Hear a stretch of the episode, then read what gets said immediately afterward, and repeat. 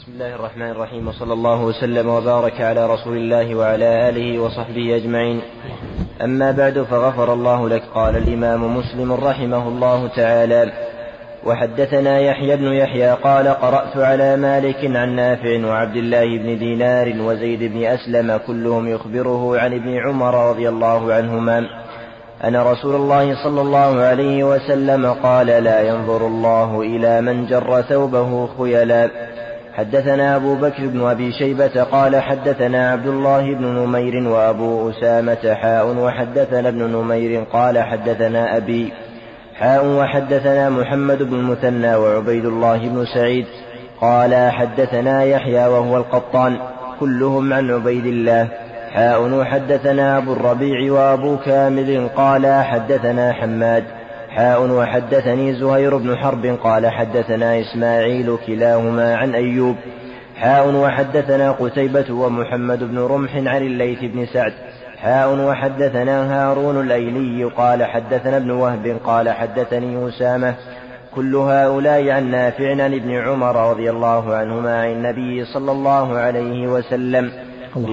بمثل حديث مالك وزادوا فيه يوم القيامة.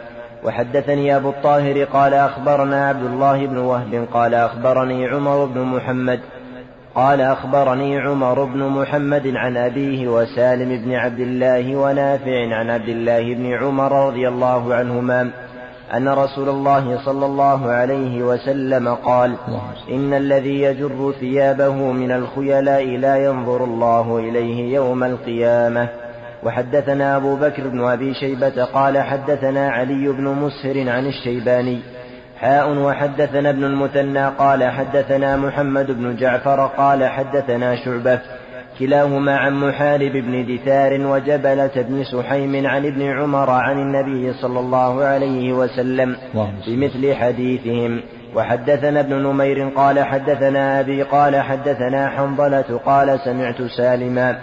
قال سمعت سالما عن ابن عمر رضي الله عنهما قال قال رسول الله صلى الله عليه وسلم من جر ثوبه من الخيلاء لم ينظر الله إليه يوم القيامة. وحدثنا ابن نمير قال حدثنا إسحاق بن سليمان قال حدثنا حنظلة بن أبي سفيان قال سمعت سالما قال سمعت ابن عمر رضي الله عنهما يقول سمعت رسول الله صلى الله عليه وسلم يقول يقول مثله غير أنه قال ثيابه. وحدثنا محمد بن المثنى قال حدثنا محمد بن جعفر قال حدثنا شعبة قال سمعت مسلم بن يناق سمعت مسلم بن يناق يحدث عن ابن عمر رضي الله عنهما أنه رأى رجلا يجر إزاره فقال ممن أنت؟ فانتسب له فإذا رجل من بني ليث. فعرفه ابن عمر فقال سمعت رسول الله صلى الله عليه, عليه وسلم بأذني هاتين. يقول من جر إزاره لا يريد بذلك إلا المخيلة فإن الله لا ينظر إليه يوم القيامة. كذا ضبط مخيلة ولا مخيلة؟ المخيلة. ها؟ تكلم عليه الشارع ضبطاه ما ضبطها ها؟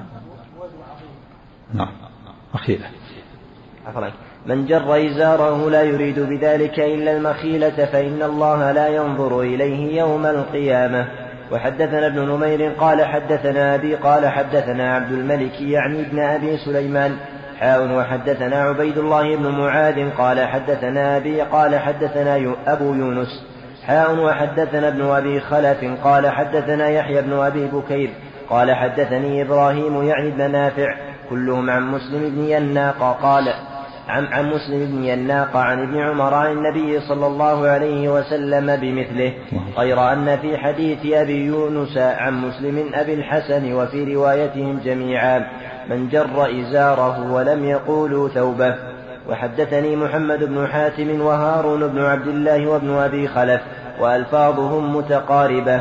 قالوا حدثنا روح بن عبادة قال قالوا قال قالوا حدثنا روح بن عبادة قال حدثنا ابن جريج قال سمعت محمد بن عباد بن جعفر يقول أمرت مسلم بن يسار مولى نافع بن الحارث أن يسأل ابن عمر رضي الله عنهما قال وأنا جالس بينهما أسمعت من النبي صلى الله عليه وسلم في الذي يجر إزاره من الخيلاء شيئا قال سمعته يقول لا ينظر الله إليه يوم القيامة. وحدثني أبو الطاهر قال أخبرنا ابن وهب قال أخبرني عمر بن محمد عن عبد الله بن واقد عن ابن عمر رضي الله عنهما قال مررت على رسول الله صلى الله عليه وسلم وفي إزار استرخاء فقال يا عبد الله ارفع إزارك فرفعته ثم قال زد فزدت فما زلت أتحراها بعد فقال بعض القوم إلى أين فقال أنصاف الساقين حدثنا عبيد الله بن معاذ قال حدثنا أبي قال حدثنا شعبة عن محمد وهو ابن زياد قال سمعت أبا هريرة رضي الله عنه ورأى رجلا يزر يجر, يجر إزاره فجعل يضرب الأرض برجله وهو أمير على البحرين وهو يقول إيش عمن؟ قال سمعت أبا هريرة رضي الله عنه نعم. ورأى رجلا يزر نعم. ورأى رجلا يجر إزاره فجعل يضرب الأرض برجله وهو أمير على البحرين وهو يقول جاء الأمير جاء الأمير. قال رسول الله صلى الله عليه وسلم إن الله لا ينظر إلى من يجر إزاره بطرا. حدثناه محمد بن بشار قال حدثنا محمد يعني, يعني ابن جعفر. حاء وحدثناه ابن المثنى قال حدثنا ابن أبي علي كلاهما عن شعبة بهذا الإسناد. وفي حديث ابن جعفر كان مروان يستخلف أبا هريرة وفي حديث ابن المثنى كان أبو هريرة يستخلف على المدينة. حدثنا عبد الرحمن حدثنا عبد الرحمن بن سلام الجمحي. قال حدثنا الربيع يعني ابن مسلم عن محمد بن زياد عن أبي هريرة رضي الله عنه عن النبي صلى الله عليه وسلم قال بينما رجل يمشي قد أعجبته جمته وبرداه بسم الله الرحمن الرحيم. الحمد لله رب العالمين. صلى الله وسلم وبارك على عبد الله ورسوله نبينا محمد وعلى آله وصحبه أجمعين. أما بعد فهذه الحديث فيها الوعيد الشديد على من جر ثوبه خيلاء وأنه إذا جر ثوبه للاختيال والبطر فإن فإنه مرتكب لكبيرة من كبائر الذنوب بهذا الوعيد الشديد. من جر ثوبه خيلاء لم ينظر الله إليه يوم القيامة. وهذا وعيد شديد. فالواجب الحذر من جر الثوب. وسواء كانت الثوب إزارا أو قميصا أو بنطلونا أو مشلحا. كل ما كان يجر. إذا كان من باب الخيلاء فعليه الوعيد الشديد. وإن لم يكن من الخيلاء فعليه الوعيد الآخر. ما أسفل من العكبين ففي النار. رواه البخاري في الصحيح. وهما حكمان مختلفان. إن كان للخيلاء فحكمه عليه الوعيد الشديد. لا ينظر الله إليه وإن كان لغير الخيلاء فهو توعد بالنار ولا يحمل أحد مع الآخر كما قال النووي. يحمل المطلق على المقيد. لا يحمل المطلق على المقيد إلا إذا كان حكم واحد. وهنا الحكم مختلف. إذا كان الخيلاء حكم لم يضر له. وإذا كان لغير الخيلاء تأكله النار. وأسمع ففي النار. وأما لا أو المستحب أن يكون في أنصاف الساقين كما قال ابن عمر كما في هذا الحديث النبي عمر جاء إلى النبي صلى الله عليه وسلم في ثوب السخاء قال ارفع. فرفع فقال زد. فما زال يتحراها قال إلى أنصاف الساقين. في الحديث الآخر أزرة المؤمن إلى نصف الساقين. ولا جناح له فيما بينه وبين ذلك. فإذا جر الثوب تحت الكعب خيلاء هذا حرام. جر الثوب تحت الكعب حرام. منهي عن نهي التحريم. سواء كان للخيلاء أو لغير الخيلاء أو غير الخيلاء. فإن كان للخيلاء فهو شد تحريما. وإن كان لغير الخيلاء فهو محرم أيضا. خلافا للنووي الذي يقول إنه إنه إن كان للخيلاء فهو نهي تحريم وإن كان لغير الخيلاء فهو تنزيه. وأما ما بين نصف الساقين إلى الكعب هذا جائز. فهناك هناك لبس مستحب مستحب أن يكون إلى أنصاف الساقين. وهناك جائز وهو أن ينزل الثوب من أنصاف الساقين إلى الكعب. وهناك محرم وهو ما تحت الكعب فإذا نزل الثوب أو المشلح أو البنطلون أو القميص تحت الكعب فهو حرام. منهي عنها نهى تحريم. لكن كان للخيلاء فهو أشد تحريم. وإن كان لغير الخيلاء فهو حرام لأنه متوعد بالنار. أما ما فوق الكعب فإن كان من نصف الساقين إلى إلى الكعب هذا جائز.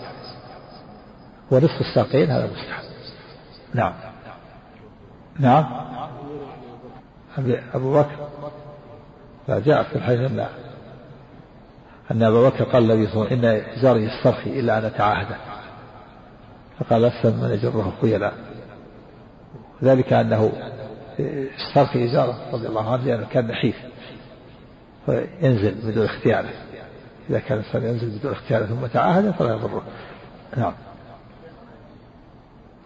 لأنه يتعاهد. لو كان للخيلاء ما ما تعاهد. نعم. يعني ما أسفل من الكعبين ففي النار. يعني متوعد. ما كان تحتها كان متوعد بأن تأكله النار. ها؟ إيه؟ هو اللي في النار. ما إيه متوعد. تأكل النار ما تحت الكعب طيب ويوافق أنه تأكل النار ما تحت الكعب ما في مانع عنده؟ هل يستطيع أن يصبر نعم. نعم. ها؟ قد تنكشف؟ لا. ما ما, ما تنكشف. هو لا. ما تنكشف العورة. نص الساق تنكشف العورة. مستور الثوب عام هذا. كل ما يلبس. سواء كان ثوب كإزار مثل ما يلبس المحرم في الحج أو عمرة يرفع. يعني المحرم ما ما يجعل إزاره ينزل تحت الكعب يرفع إلى نصف أو ثوب قميص مثل الثياب أو بنطلون أو مشلح حكم واحد. نعم. وعيد شديد. هذا الكبائر يدل على الكبائر. نعم.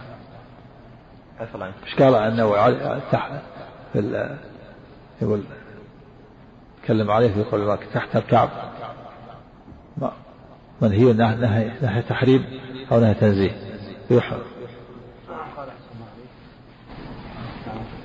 قال وأما حفظ الحديث فقد سبق في الإيمان واضح من فروعه ذكرنا هناك حديث صحيح ان الإسبال يكون في الإزار والقميص في العمام وانه لا يجوز اسباله تحت كعبين إن كان الخيلاء وإن كان لغيره فهو مكروه. ظواهر الحديث في تقييدها بالجر الخيلاء تدل على أن التحريم مخصوص بالخيلاء. هكذا نص الشافعي على الفرق كما ذكرنا وأجمع العلماء عن جواز إسبال للنساء. فصح النبي صلى الله عليه وسلم الإذن. لا بعد بعد هذا بعد هذا اللي قلنا. يحمل المطلق على المقيد. ذكر عنك إيه. قال فما نزل عن الكعبين فهو ممنوع فإن كان للخيلاء فهو ممنوع منع تحريم وإلا فمنع تنزيه. والصواب أنه تحريم في الأمرين نعم بعد. وأما, وأما الأحاديث المطلقة بأن ما تحت الكعبين في النار فالمراد بها ما كان للخيلاء لأنه مطلق فوجب حمله على المقيد والله أعلم. والصواب أنه لا يحمل مطلق المقيد إلا إذا كان الحكم واحد. والحكم مختلف الآن. كل واحد له عقوبة. إذا كان للخيلاء فقوة لا ينظر الله إليه. وإذا كان لغير الخيلاء ففي النار. المطلق يحمل على المقيد إذا كان الحكم واحد. أما إذا كان الحكم مختلف فلا. فلا يحمل. فالصواب أنه حكمان مختلفان. وأن النهي ومنهي عنه نهي تحريم. سواء كان الخير أو غير الخيلاء. نعم. نعم. لا هذا ما يصلح. هذا ما يخشى أن تظهر العورة هذا. ما في داعي له. يكفي. نصف الساعة مستحب نصف الساعة لا يزيد. نعم. لكن لو زاد ما يعتبر. وستر العورة الركبة يعتبر ستر عورته. نعم. وش اللي أقل من الساقين؟ ها؟ سمعت الكلام الآن؟ نصف الساقين مستحب. ومن نصف الساقين إلى إلى إلى إلى الكعب جائز. هذا جائز. فالأفضل نصف الساقين لكن إذا كان يحصل يخشى أن يحصل عليه انتقاد أو أو ينوم بعض الناس الحمد لله جائز. نزله إلى إلى الكعب. جائز. نعم. نعم. حدثنا عبد الرحمن بن سلام الجمحي قال حدثنا الربيع يعني ابن مسلم عن محمد بن زياد عن أبي هريرة رضي الله عنه عن النبي صلى الله عليه وسلم قال بينما رجل يمشي قد أعجبته جمته وبرداه إذ خسف به الأرض فهو, فهو يتجلجل في الأرض حتى تقوم الساعة. أعوذ بالله. والجمه الشعر الشعر يضرب إلى الأذن. برداه يعني ثوباه قد أعجبته برداه وليس فيه أن أنه أنه يجره. عجبه ثوباه وجمته تكبر. هذا جزاء المتكبرين. قد يكون جر الثوب لكن ليس فيه أنه جر البردين. نعم. طبعا وحدثنا عبيد الله بن معاذ قال حدثنا أبي هذا في في تحريم العجب. وأنه لا يجوز العجب بنفسه بل التواضع فالعجب من كبائر الذنوب القلبية كل إنسان يعجب بنفسه ويرى أنه فوق الآخرين. وإذا ضم إلى احتقار الناس كان أعوذ بالله أشد. العجب والكبر والكبر والبطر والأشر. فهذه من أعمال القلوب خبيثة. نعم. نعم. أما قال هذه الأمة والحكم واحد لهذه الأمة ولغيرها. لكن يعني هذا الرجل يعني هل هو في بني إسرائيل؟ أو أنه خبر سيحدث هذه الأمة في المستقبل؟ هذا الكلام. نعم. والصواب هذا ظاهر خبر عن بني رجل من بني إسرائيل عجبته نفسه فخسف الله بالأرض وقال بعضهم لا إن هذا يخبر النبي صلى الله عليه وسلم بأن هذا سيحصل في المستقبل. نعم. نعم. ها؟ ما ينبغي الإسراف في هذا. إنه ذكر أنه يكون في الأكمام ويكون في العمامة يجعل الذؤابة تنزل تحت الأرض يكون في الأكمام أيضا. ذكر يكون في الإزار ويكون في الأكمام. وفي العمامة نعم. الإسراف الإسراف ما ينبغي نعم. نعم. الله أعلم. نعم.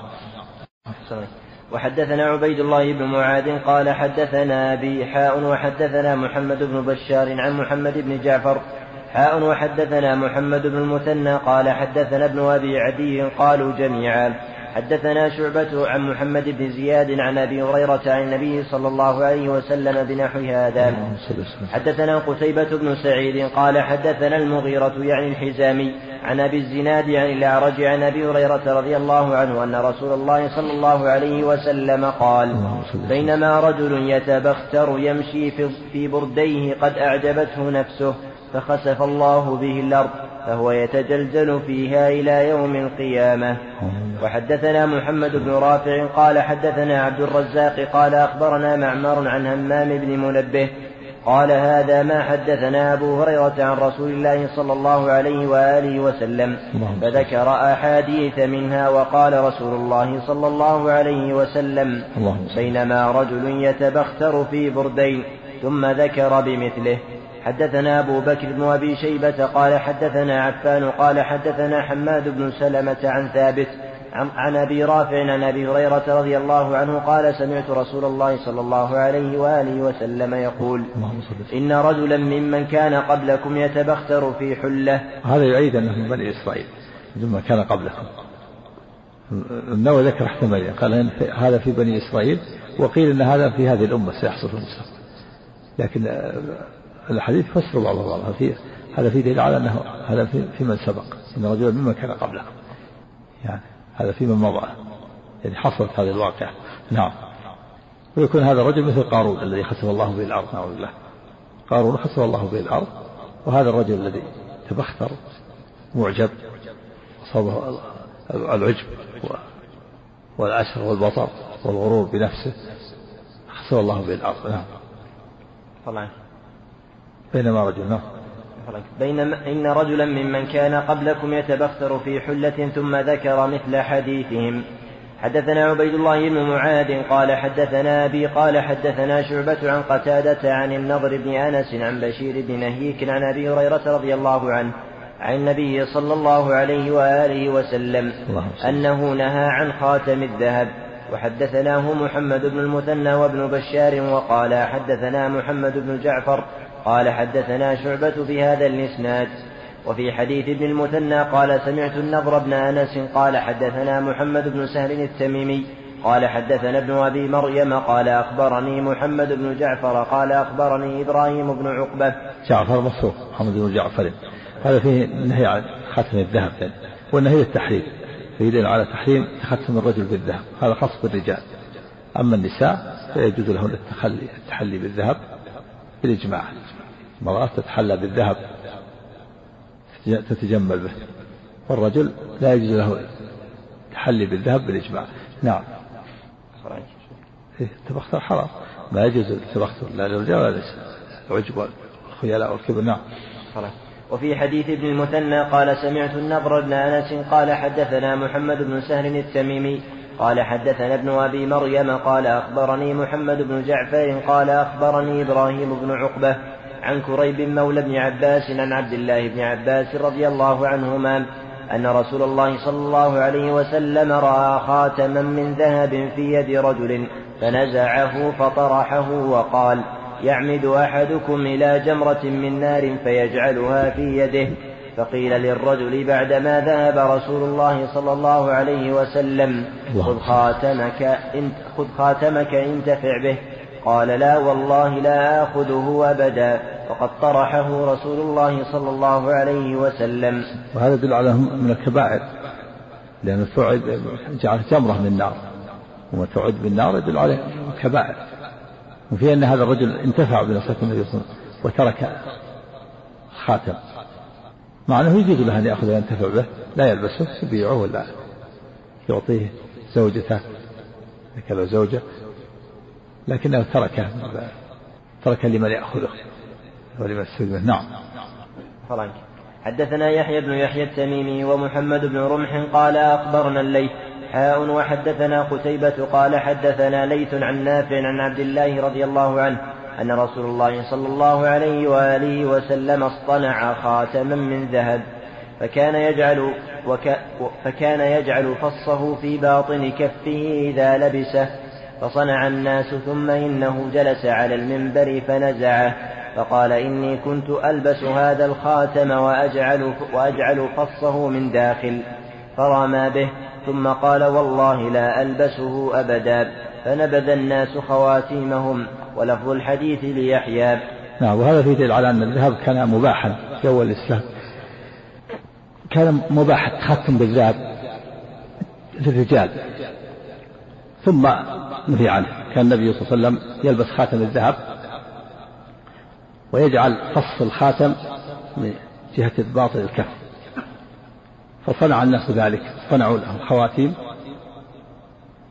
ثم جاء الوحي. للنبي صلى الله عليه وسلم بالنهي عنه فنزعه نزعا شديدا وقال والله لا ألبسه فنزع الناس خواتيمه ففيه بيان الناسخ والمنسوخ في وقت واحد. المنسوخ التختم بالذهب والناسخ النهي نزعه قال والله لا ألبسه لبس كما كان الحرير في أول الهجرة مباح للرجال ثم نهي عنه. ثبت النبي صلى الله عليه وسلم لبس الحرير ثم نزعه نزعا شديدا كالكاره له ثوب, ثوب الحرير وقال لا ينبغي هذا للمتقين. كل من الذهب والحرير كان في, في أول الهجرة مباح للرجال ثم نهي عنهما. وفيه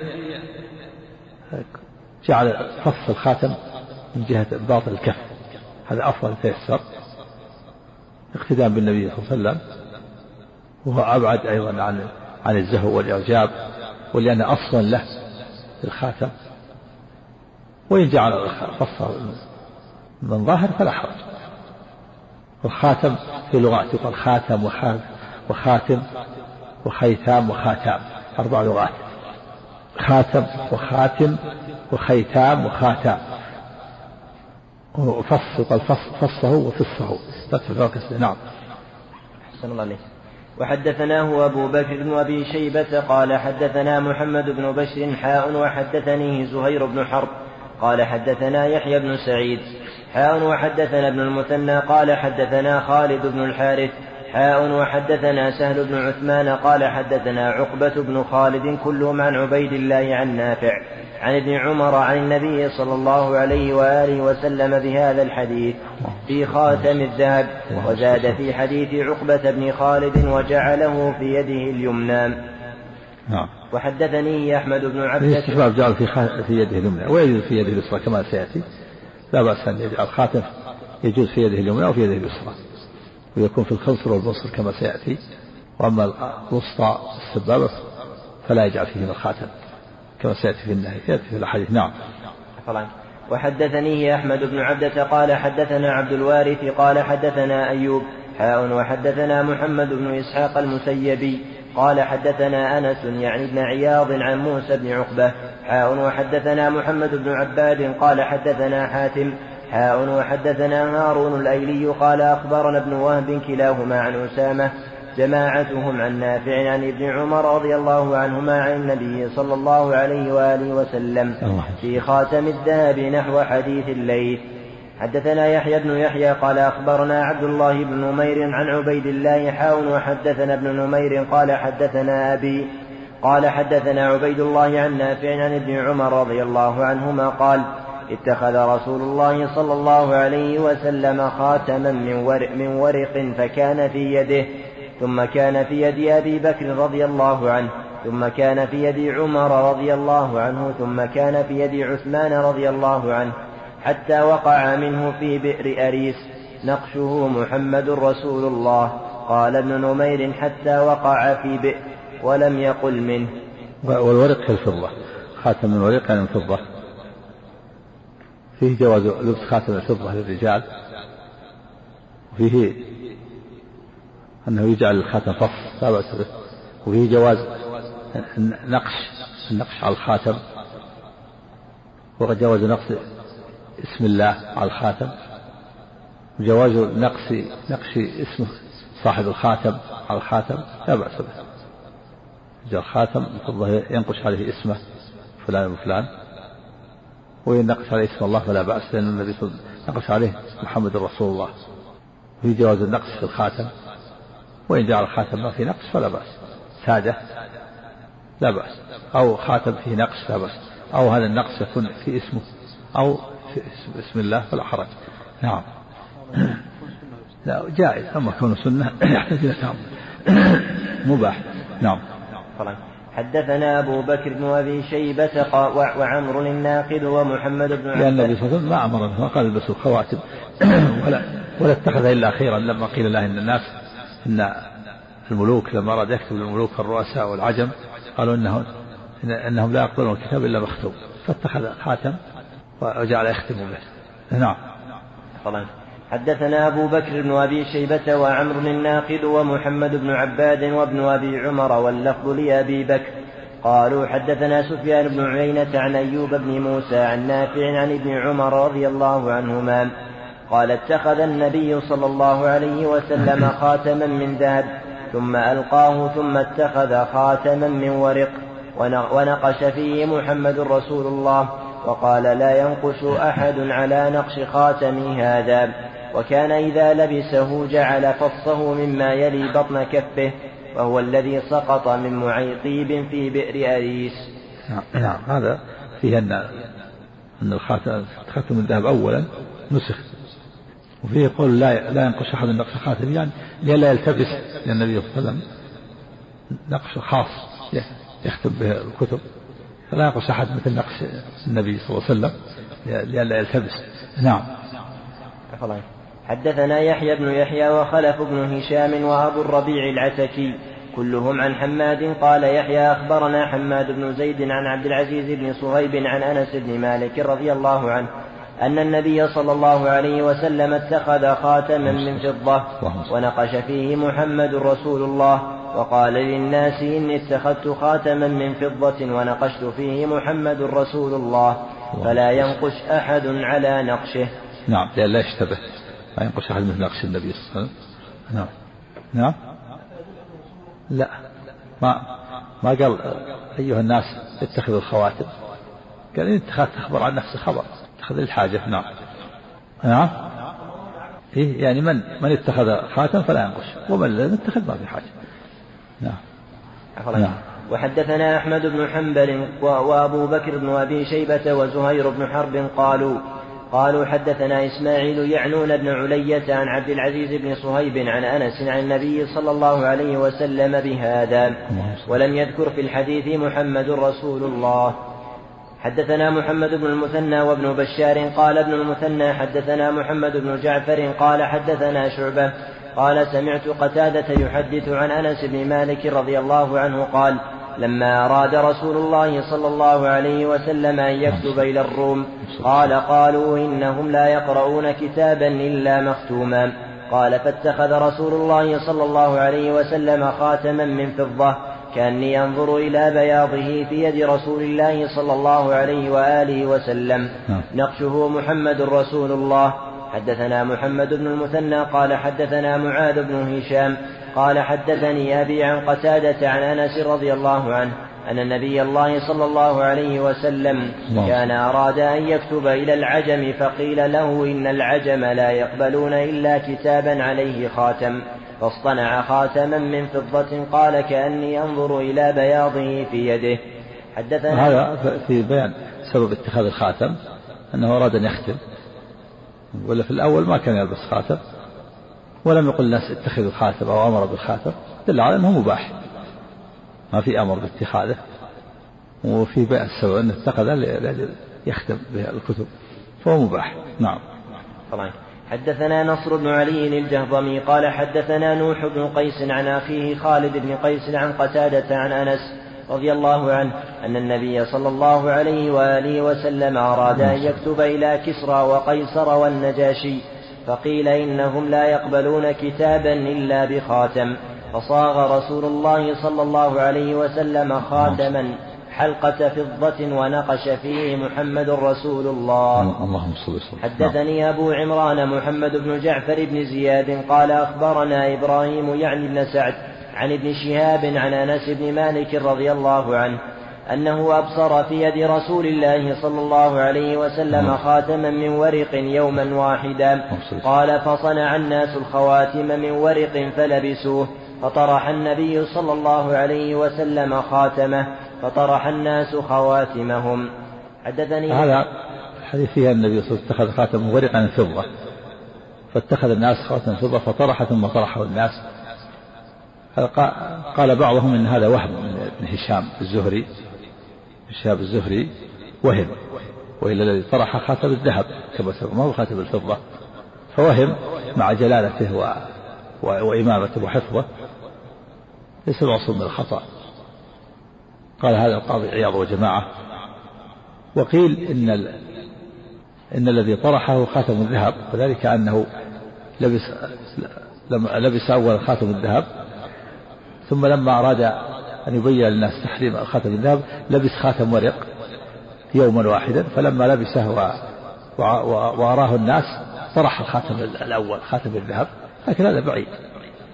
الأقرب مثل ما قال القاضي عياض أنه إن هذا وهم من الزهري.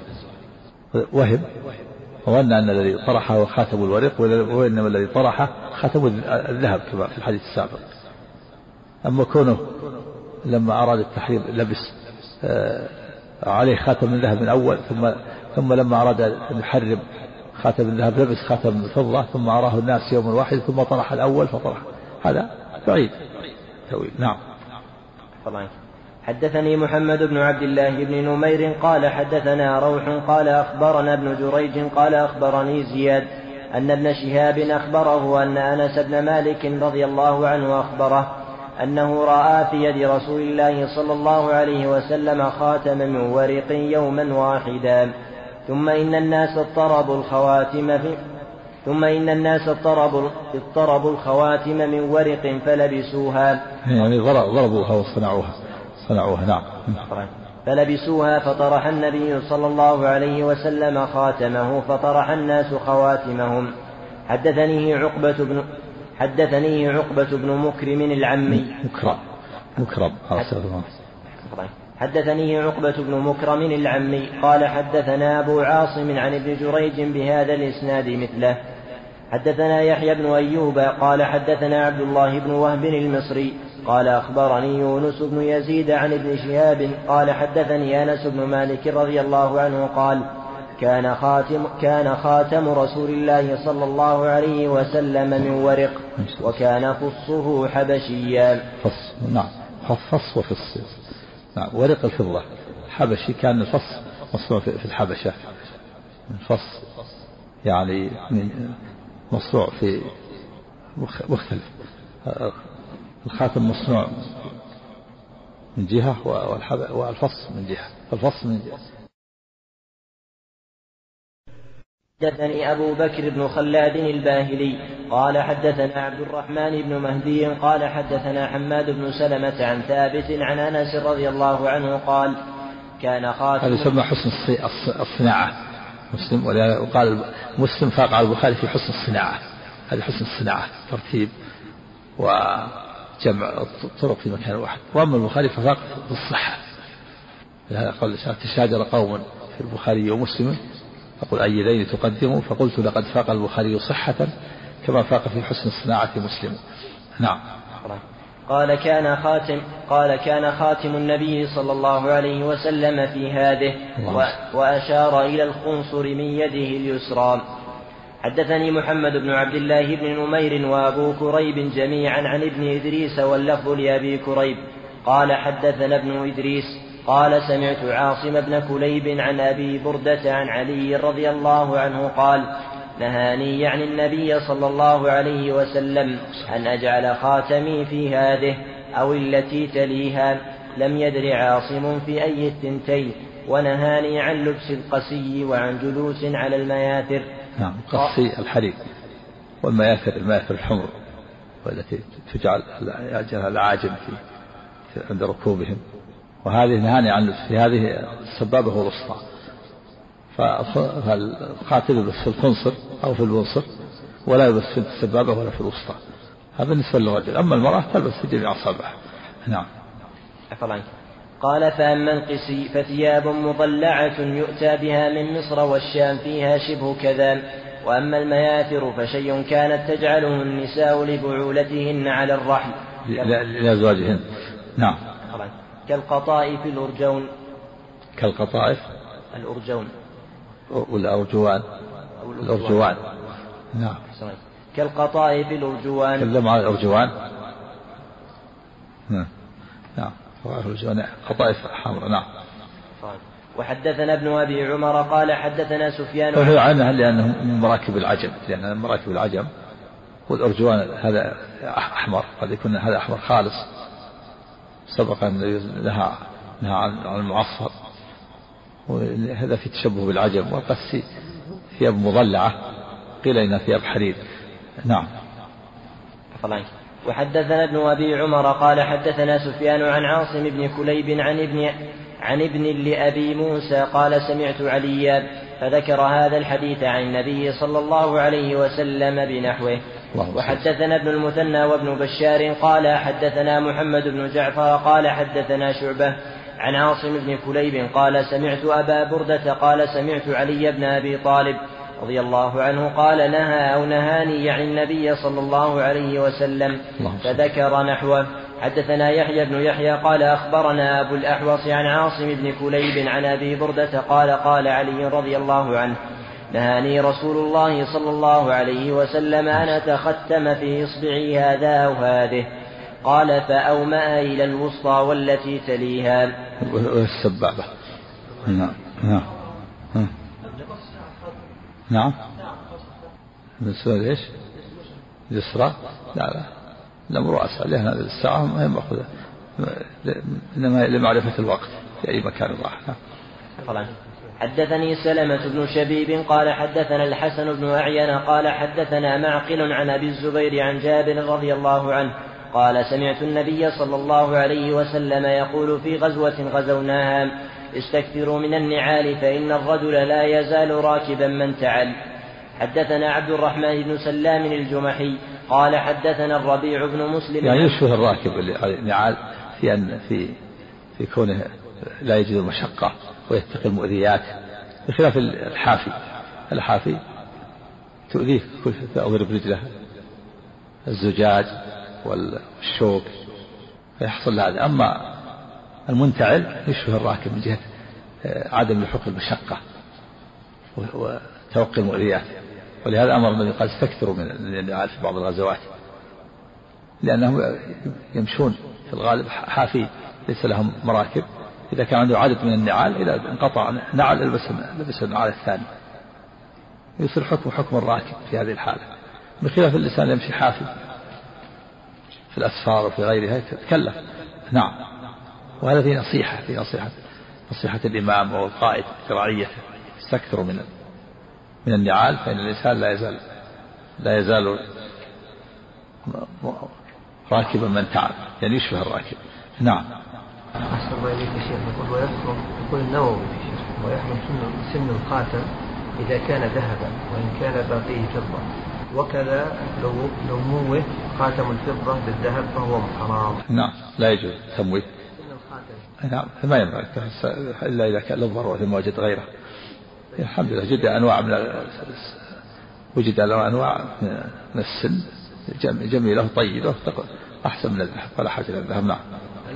حدد الآن يا شيخ في المعامل الآن يحطون في شيء من الذهب. أيه. ولكن لونه لون السن. ما فعل الناس ما هو بحجة. نعم. نعم. نعم. الأصل في النهي للتحرير هذا هو الأصل إلا بصارف نعم. ها؟ ما بويت العلة ما جاء في الحديث. ما بلازم تبين العلة إن جاءت العلة فالحمد لله وإلا النهي كافي نعم.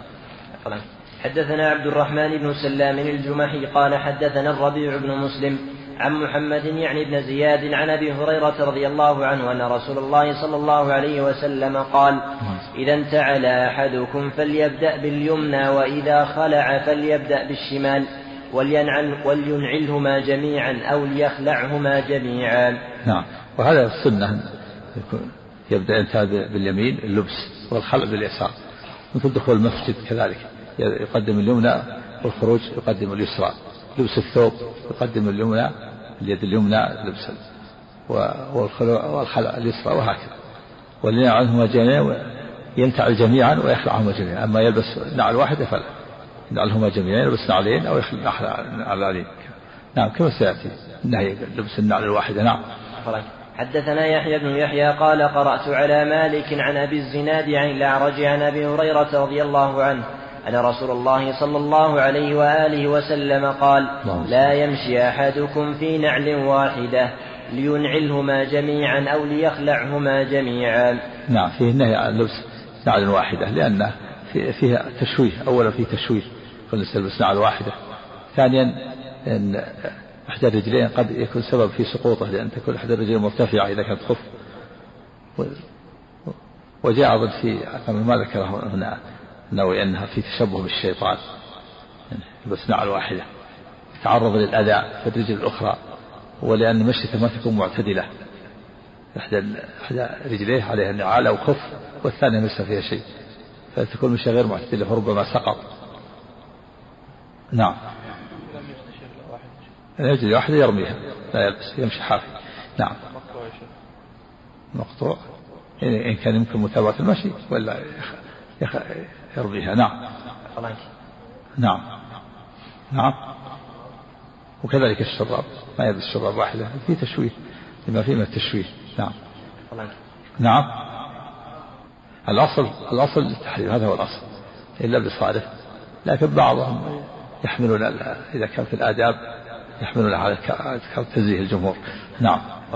حدثنا أبو بكر بن أبي شيبة وأبو كريب واللفظ لأبي كريب. قال حدثنا ابن إدريس عن الأعمش عن أبي رزين قال خرج إلينا أبو هريرة رضي الله عنه فضرب بيده على جبهته فقال ألا إنكم, تحد ألا إنكم تحدثون أني أكذب على رسول الله صلى الله عليه وسلم لتهتدوا وأضل ألا وإني أشهد لسمعت رسول الله صلى الله عليه وسلم يقول إذا انقطع شسع أحدكم فلا يمشي في الأخرى حتى يصلحها. سير النعل. نعم.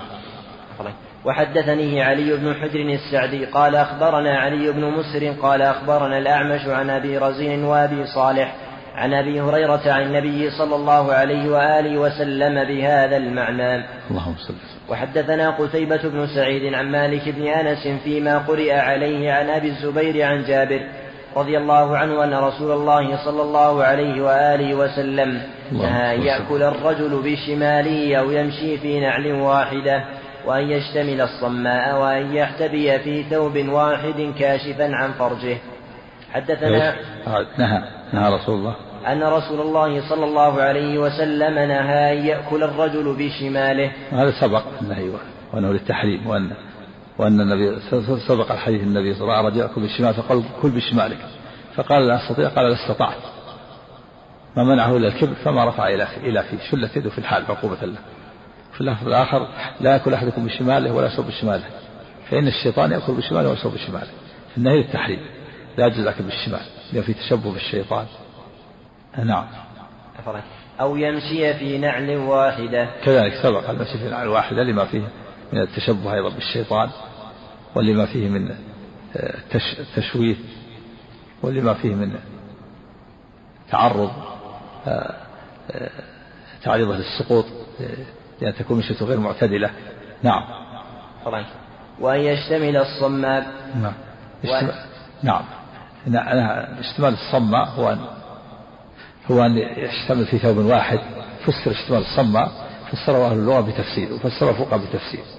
فأهل اللغة فسروا اشتمال الصماء بأن يتجلل بثوب واحد ليس له منفذ كالصخرة الصماء ف فربما أصابه شيء حشرة أو شيء أن فلا يستطيع أن يدفع عن نفسه فإذا أصابه مثلا غرسته حشرة فلا يستطيع أن يخرج يديه لأنه ملفوف كالكيس يأتي بقطعة قطعة قماش مثل فوطة كبيرة وليس على غيرها شيء ما عليه فنائل ولا سراويل فيتجلل بها كالكيس. وربما انكتم نفسه. ما في نفس. وربما قرصته دابة فأراد أن يخرج يده ولا يستطيع فيتأذى. هذا تفسير أهل اللغة. أما تفسير الفقهاء فقالوا هو أن يشتمل بثوب واحد يأتي بثوب واحد قطعة ويجعلها على جسده ثم يرفع إحدى طرفيها طرفي الثوب يريد أن يجعله على كتفه فتبدو العورة.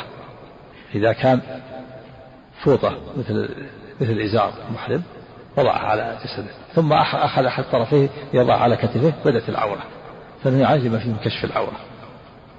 كان العرب هكذا يعملون يتساهلون بالعورات. أما إذا كان السراويل ما في إشكال هي كلام قطعة واحدة. يعني جسم عاري يأتي بقطعة واحدة مثل الشرشر ويجعل كالكيس كان كيس صخرة الصماء عند أهل اللغة. فينكتم نفسه ربما كتم نفسه وربما أصابت حكة في أحد جسده فلا يستطيع يخرج يده. هذا تفسير اللغة. أما تفسير الفقهاء يقول يجعلها على كتفيه ثوب واحد قطعة واحدة ويستر بها جسمه ثم يريد أن يأخذ الطرفين يرفع على كتفيه فتبدو العورة. فإنه يعالج ما فيه من كشف العورة. أما إذا كانت العورة مستورة على ثوب آخر أو على سروال ما في إشكال. نعم. هذا نعم هذا اشتمال الصمة نعم وأن يحتبي في ثوب واحد كاشفا عن فرجه. كذلك الاحتباء. الاحتباء هو أن يجلس على إليتيه وينصب ساقيه. يجلس على إليتيه وينصب ساقيه ويأتي بثوب قطعة ثوب قماش شرشف ولا فوطة ويضعها على يستر بها ظهره ورجليه ويبقى ما أمامه مكشوف جهة السماء. فلو جاء وقف رأى عورته. هذا ما كان عليه إذا ما كان عليه سروال أما إذا لم يكن في سروال لا حرج. لكن العرب كان هكذا. يكون عاري ما عليه شيء يأتي بشرشف ثوب قطعة واحدة وهو قد جلس على اليتين ونصه وسقيه ويستر بها ظهره ورجليه ويبقى من أمامه مكشوف العورة. فاللي أمامه مستور واللي عن يمينه مستور لكن لو وقف أمامه وقف واقف لو وقف إنسان رأى عورته. لأن من جهة السماء مكشوف. هذا الاحتباء كانت تفعله العرب.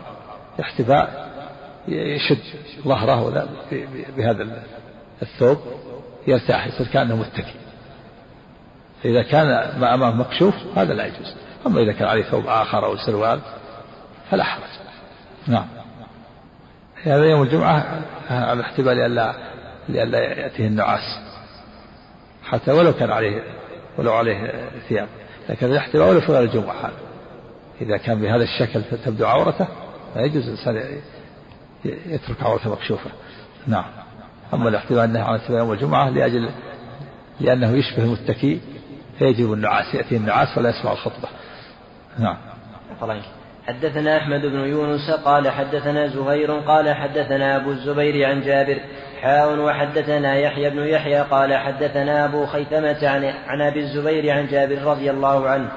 قال قال رسول الله صلى الله عليه وسلم أو سمعت رسول الله صلى الله عليه وسلم يقول إذا انقطع شسع أحدكم أو من انقطع شسع نعله فلا يمشي في نعل واحدة حتى يصلح شسعه ولا يمشي في خف واحد ولا يأكل بشماله ولا يحتبي بالثوب الواحد ولا يلتحي في الصمام.